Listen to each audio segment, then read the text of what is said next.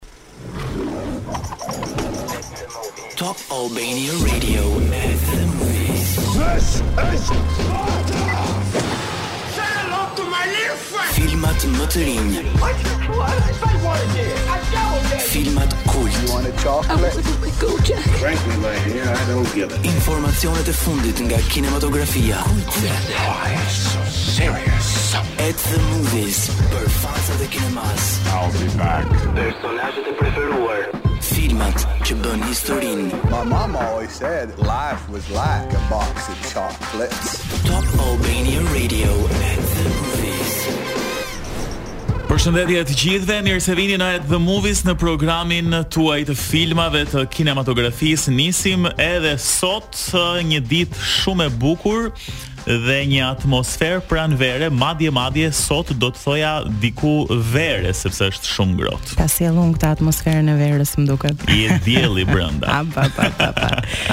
dhe me këtë atmosferë vere na shoqëron edhe DJ XXL në pultin e transmetimit, gjithashtu një fans i filmave, megjithëse kemi debate të shumta pasi ai është um, një fans i filmave um, klasik dhe të vjetër goxha. Këta të rinjtë nuk i akcepton, nuk i pranon. Do përgatisim ndonjë ditë ndonjë Duhet të punojmë pak me të, të që t'ia mbushim pak mendjen.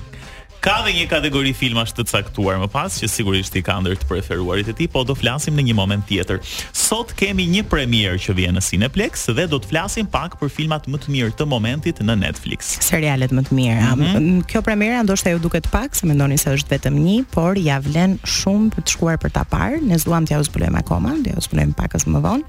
Dhe për të gjithë ju që si ne keni kaluar këtë periudhën e tranzicionit nga filmat tek serialet, doni diçka që ju mban pak më të angazhuar, kemi përgatitur një listë me serialet më të ndjekura për momentin në Netflix, por që ne i kemi parë dhe jua sugjerojmë pafundësisht për arsye se do t'ju lënë pa gjumë. Kaq po them për tani.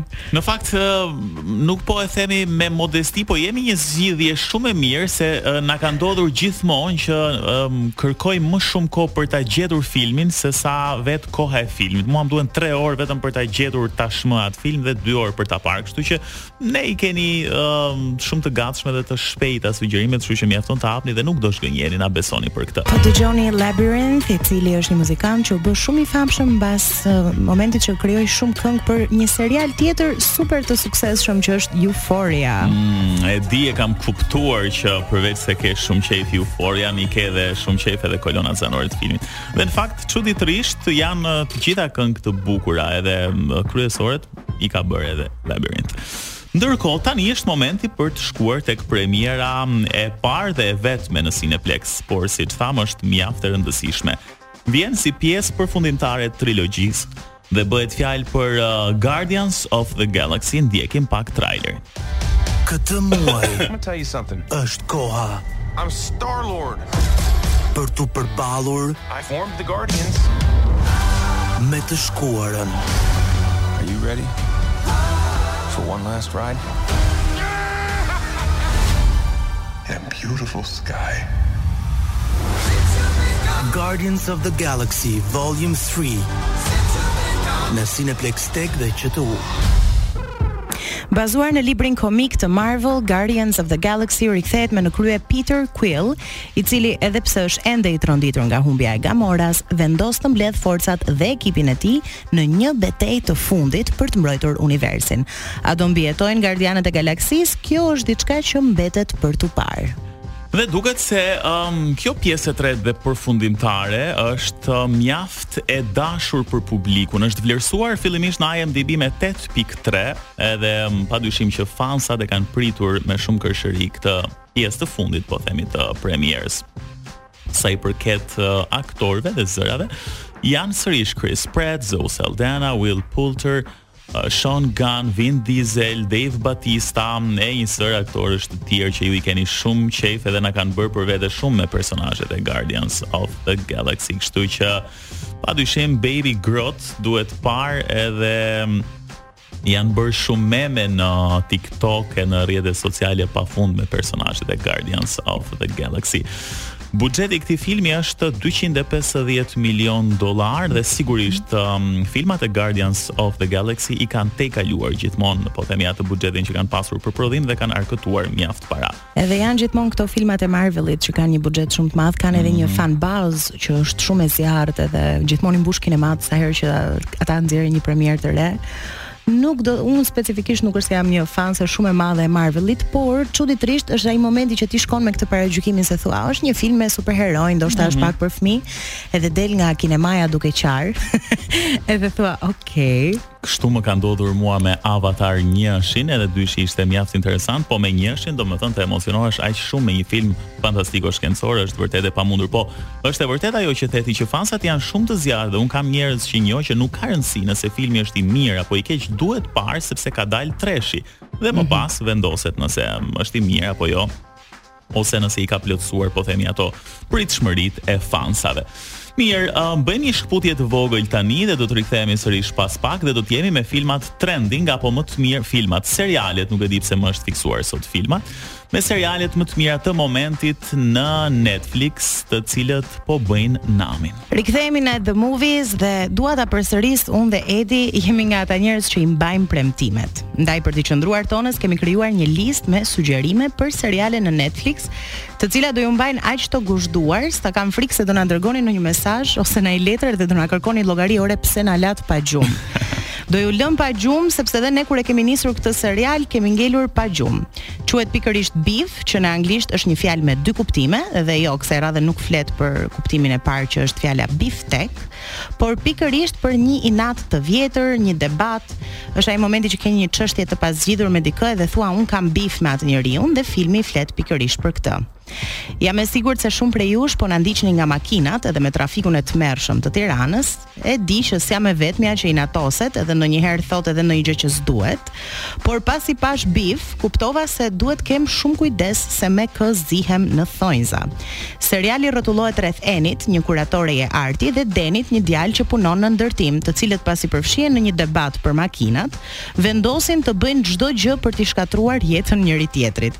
Kjo komedi e zezë, që në fillim është thjesht për të qeshur, mbart aq shumë shtresa brenda, saqë kur mrrini në atë episodin e fundit, jua siguroj se do përfundoni si unë, duke qarë. Po ju bëj një parapri që do kaloni në një tranzicion emocional të frikshëm ndjenjash. Ka aktorë fantastikë si Steven Yeun dhe Ali Wong, e cila njihet për karrierën e saj si komediane dhe më ka befasuar, pasi kam kuptuar se këta komedianët ndonjëherë janë aktorët më të mirë për filma drama.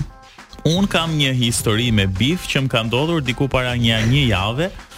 Jo histori të ngjashme me të, por si u njoha me serialin, se unë nuk e kisha parë dhe teksa po bëja scroll në TikTok dhe unë ngaqë shikoj herë pas here skena filmash edhe uh, duke qenë se algoritmi i TikTok-ut t'i nxjerr vetë këto dhe më doli një skenë nga Beef dhe unë nuk e mhm. kisha idenë fare se për çfarë bëhej fjalë. nëse ishte një film, një serial, dhe pashë këtë skenën e njohjes së këtyre të dyve në trafik, ishte një fuoristradë e bardhë që ky e mhm. ndjek, shoferi nuk shfaqej në asnjë moment dhe ti mendon që është një burrë, një një një njeri i frikshëm sepse ai bënte ca manovra të jashtëzakonshme. Dhe po përpiqesha të kuptoja se çfarë është kjo dhe ishte super gjë, domethënë atë videon 2-3 minutëshe në TikTok dhe u futa kërkova pashë komentet dhe kishin shkruar njerëzit Beef, Beef, Beef. Dhe kur lexova më pas sinopsin e të gjithë gjës, kuptova që ishte edhe një ndër serialet më të shikuar, po të linte pa fjalë vërtet ajo skena e parë kur uh, këta të dy po themi kanë atë keqkuptimin në autostradë. Edhe e di ti që nga fundi këta nuk jetojnë dot pa njëri tjetrin. Interesant shumë po. Aq i frikshëm ishte ai personazhi brenda asaj fuoristradës së bardhë, saqë ti mund të imagjinoje gjën më të keq. Është një grua e vogël me syze, kështu që. Dhe të bënte pak me ankth në sensin që domethënë imagjino sikur të të ndodhë kjo vërtet sa sa rrezik ndonjëherë është të udhëtosh vetëm në rrugë apo ku di unë, kështu që ishte shumë interesante. Kështu dhe Beef mos e lini pa parë sepse do të gjeni veten nëpër shumë skena me të cilat mund të jeni përballur në trafik në përditshmërinë tuaj. Tani do të kalojmë tek Një tjetër serial shumë i suksesshëm, i cili vjen po themi si rrjedhojë e Breaking Bad, që është një ndër serialet më të mira të publikuara ndonjëherë. Dhe uh, titullohet Better Call Saul. Bëhet fjalë për personazhin e Saul Goodman, i cili shfaqet shumë tek Breaking Bad dhe shndërrohet në një nga personazhet më të dashur për publikun për shkak të Tipit të tij shumë interesant, një mashtrues i paskrupullt, po që të zgjidhte gjithmonë punë, se ky ka rolin e një avokati. Mhm. Mm dhe ndihmon njerëzit, bandat kriminale, um, njerëz që të pastrojnë para dhe ishte nga këta që të bënte punë, domethënë me pak lekë dhe kishte ato njohjet e veta siç funksionojnë një avokat i korruptuar. Dhe pikërisht rreth um, këtij personazhi flet Better Call Saul, është krijuar pas publikimit të Breaking Bad, ku bie në sy pikërisht personazhi Saul Goodman, ka 6 sezone. I pari në mos gaboj u publikua në vitin 2015 dhe më pas ishin të njëpasnjëshme për çdo vit sezone, derisa i fundit u publikua në gusht të vitit të kaluar dhe ishte mjaft i suksesshëm. Ka fituar shumë çmime, uh, sidomos Bob Odenkirk për aktorin më të mirë, po shfaqen edhe shumë personazhe që kanë luajtur tek Breaking Bad si Jonathan Banks në rolin e Majkut apo Giancarlo Esposito tek Los Pollos Hermanos. Është për ata që e kanë parë Breaking Bad e dinë shumë mirë se çfarë do të thotë kjo Shprehje. Është një gjë për të cilën jam e turpëruar që nuk e kam parë, po është një investim që do shumë kohë. Do shumë dhe... kohë, do shumë kohë, se është shumë i gjatë. Unë e kam bërë këtë investim në dy zona të ndryshme kohore, kam parë gjysmën për një periudhë, kam bërë një pauzë dhe jam rikthyer më pas për ta parë deri në fund, po është shumë i bukur. Sezonet e para ideja ecën pak uh, ngadalë. Mm -hmm. Sepse trajtohen shumë gjëra që janë, domethënë, të merr një seri, mund të jetë thjesht një përditshmëri. Ngrihesh ti ha mëngjesin me atë vezën tënde shkon jep mësim kthehesh në shpi. Dhe nuk ka asgjë te një seri. Dhe vazhdon, vazhdon, pastaj detaj, detaj, derisa në fund ka një uh, bëhet më kaotik. Kaotik, okay. domethënë është i frikshëm se me çfarë qetësie fillon dhe çfarë uh, kaosi përfundon në fund që është e paparashikueshme. Mirë, seriali i cili mban vendin e parë në fakt në listën e serialeve më të ndjekur në Netflix për momentin është Firefly Lane, i cili ndjek historinë e dy shoqeve të ngushta, Tully mhm. dhe Kate, të cilat kanë bërë çdo gjë së bashku që në fëmijëri dhe paçka diferencave dhe personaliteteve tërësisht të ndryshme. Në sezonin e parë pamë se shoqëria e tyre përballon çdo sfidë, por ky sezon i dytë sjell sfida shumë të rënda për shoqet, sjell një aksident me makinë, një përçarje, një betejë me kancerin dhe shumë e shumë peripeci. Nëse keni dëshirë të shikoni një serial që flet për ato shoqëritë që i mbijetojnë viteve, Firefly Lane është i duhuri për ju. Katherine Heigl dhe Sarah Chalke duket sikur janë shndërruar një herë e përgjithmonë në Tullyn dhe Kate, kështu që unë mendoj është filmi më i mirë për ta parë unë e shoh si serial me shoqen time më të mirë. Të premteve shohim nga 3-4 seri se ne i përpijmë mm. kështu brenda natës. Po, po, për ju po. që nuk doni të shikoni aq shumë, mund t'i shikoni një nga një. Është shumë angazhues, shumë për të qeshur dhe për të qarë njëkohësisht Dhe unë po shikoj jam drejt fundit të sezonit të dytë mund të më kenë ngelur dy seri dhe jam shumë e investuar dhe tani ndoshta do iki dhe do yeah, vazhdoj ato që kam lënë. Je shumë e frikshme për nga shpejtësia se si shikon shumë. serialet se unë ndonjëherë sugjeroj diçka dhe vjen nesër më thotë po e pashë të gjithë sezonin një natë. Okej. Okay, Edhe shumë më shumë se ç'ke parë ti, Edi thotë po s'e kam nisur unë sezonin e tretë, unë po unë e mbarova. Por Dark e ke parë shumë shpejt ai që do një impenjim të jashtëzakonshëm. Po ashtu. I fundit është Night Agent, një mm, serial tipik aksion thriller uh, dhe bëhet fjalë për një agjent të FBI-së i cili uh, ka nën monitorim një linjë telefonatash të emergjencës për qytetarët dhe në një telefonatë krejt të zakonshme Um, ai zbulon disa detaje për një çështje korruptive që përfshin edhe disa zyrtarë të Shtëpisë së Bardh dhe po themi uh, nis gjithçka nga një telefonatë e thjeshtë dikujt që raporton një krim dhe më pas kjo merr përmasa shumë më të gjëra dhe sigurisht ky agjenti i FBI-s nis të investigojë dhe të zbulojë më pas çdo gjë që fshihet deri tek një komplot në Shtëpinë e Bardhë. Ka vetëm një sezon i publikuar këtë vit. Edhe e kam parë gjithandej që është shpërndarë edhe madje të gjitha këto faqet që sugjerojnë filma në Instagram e kishin renditur si një ndër serialet më të mira të momentit që është i publikuar në Netflix, për ju sidomos që i keni qejf filmat aksion, thriller edhe me pak teori komploti, edhe gjëra që miksohen njëra me tjetrën. Kështu që Night Agent është gjithashtu një zgjidhje shumë e mirë.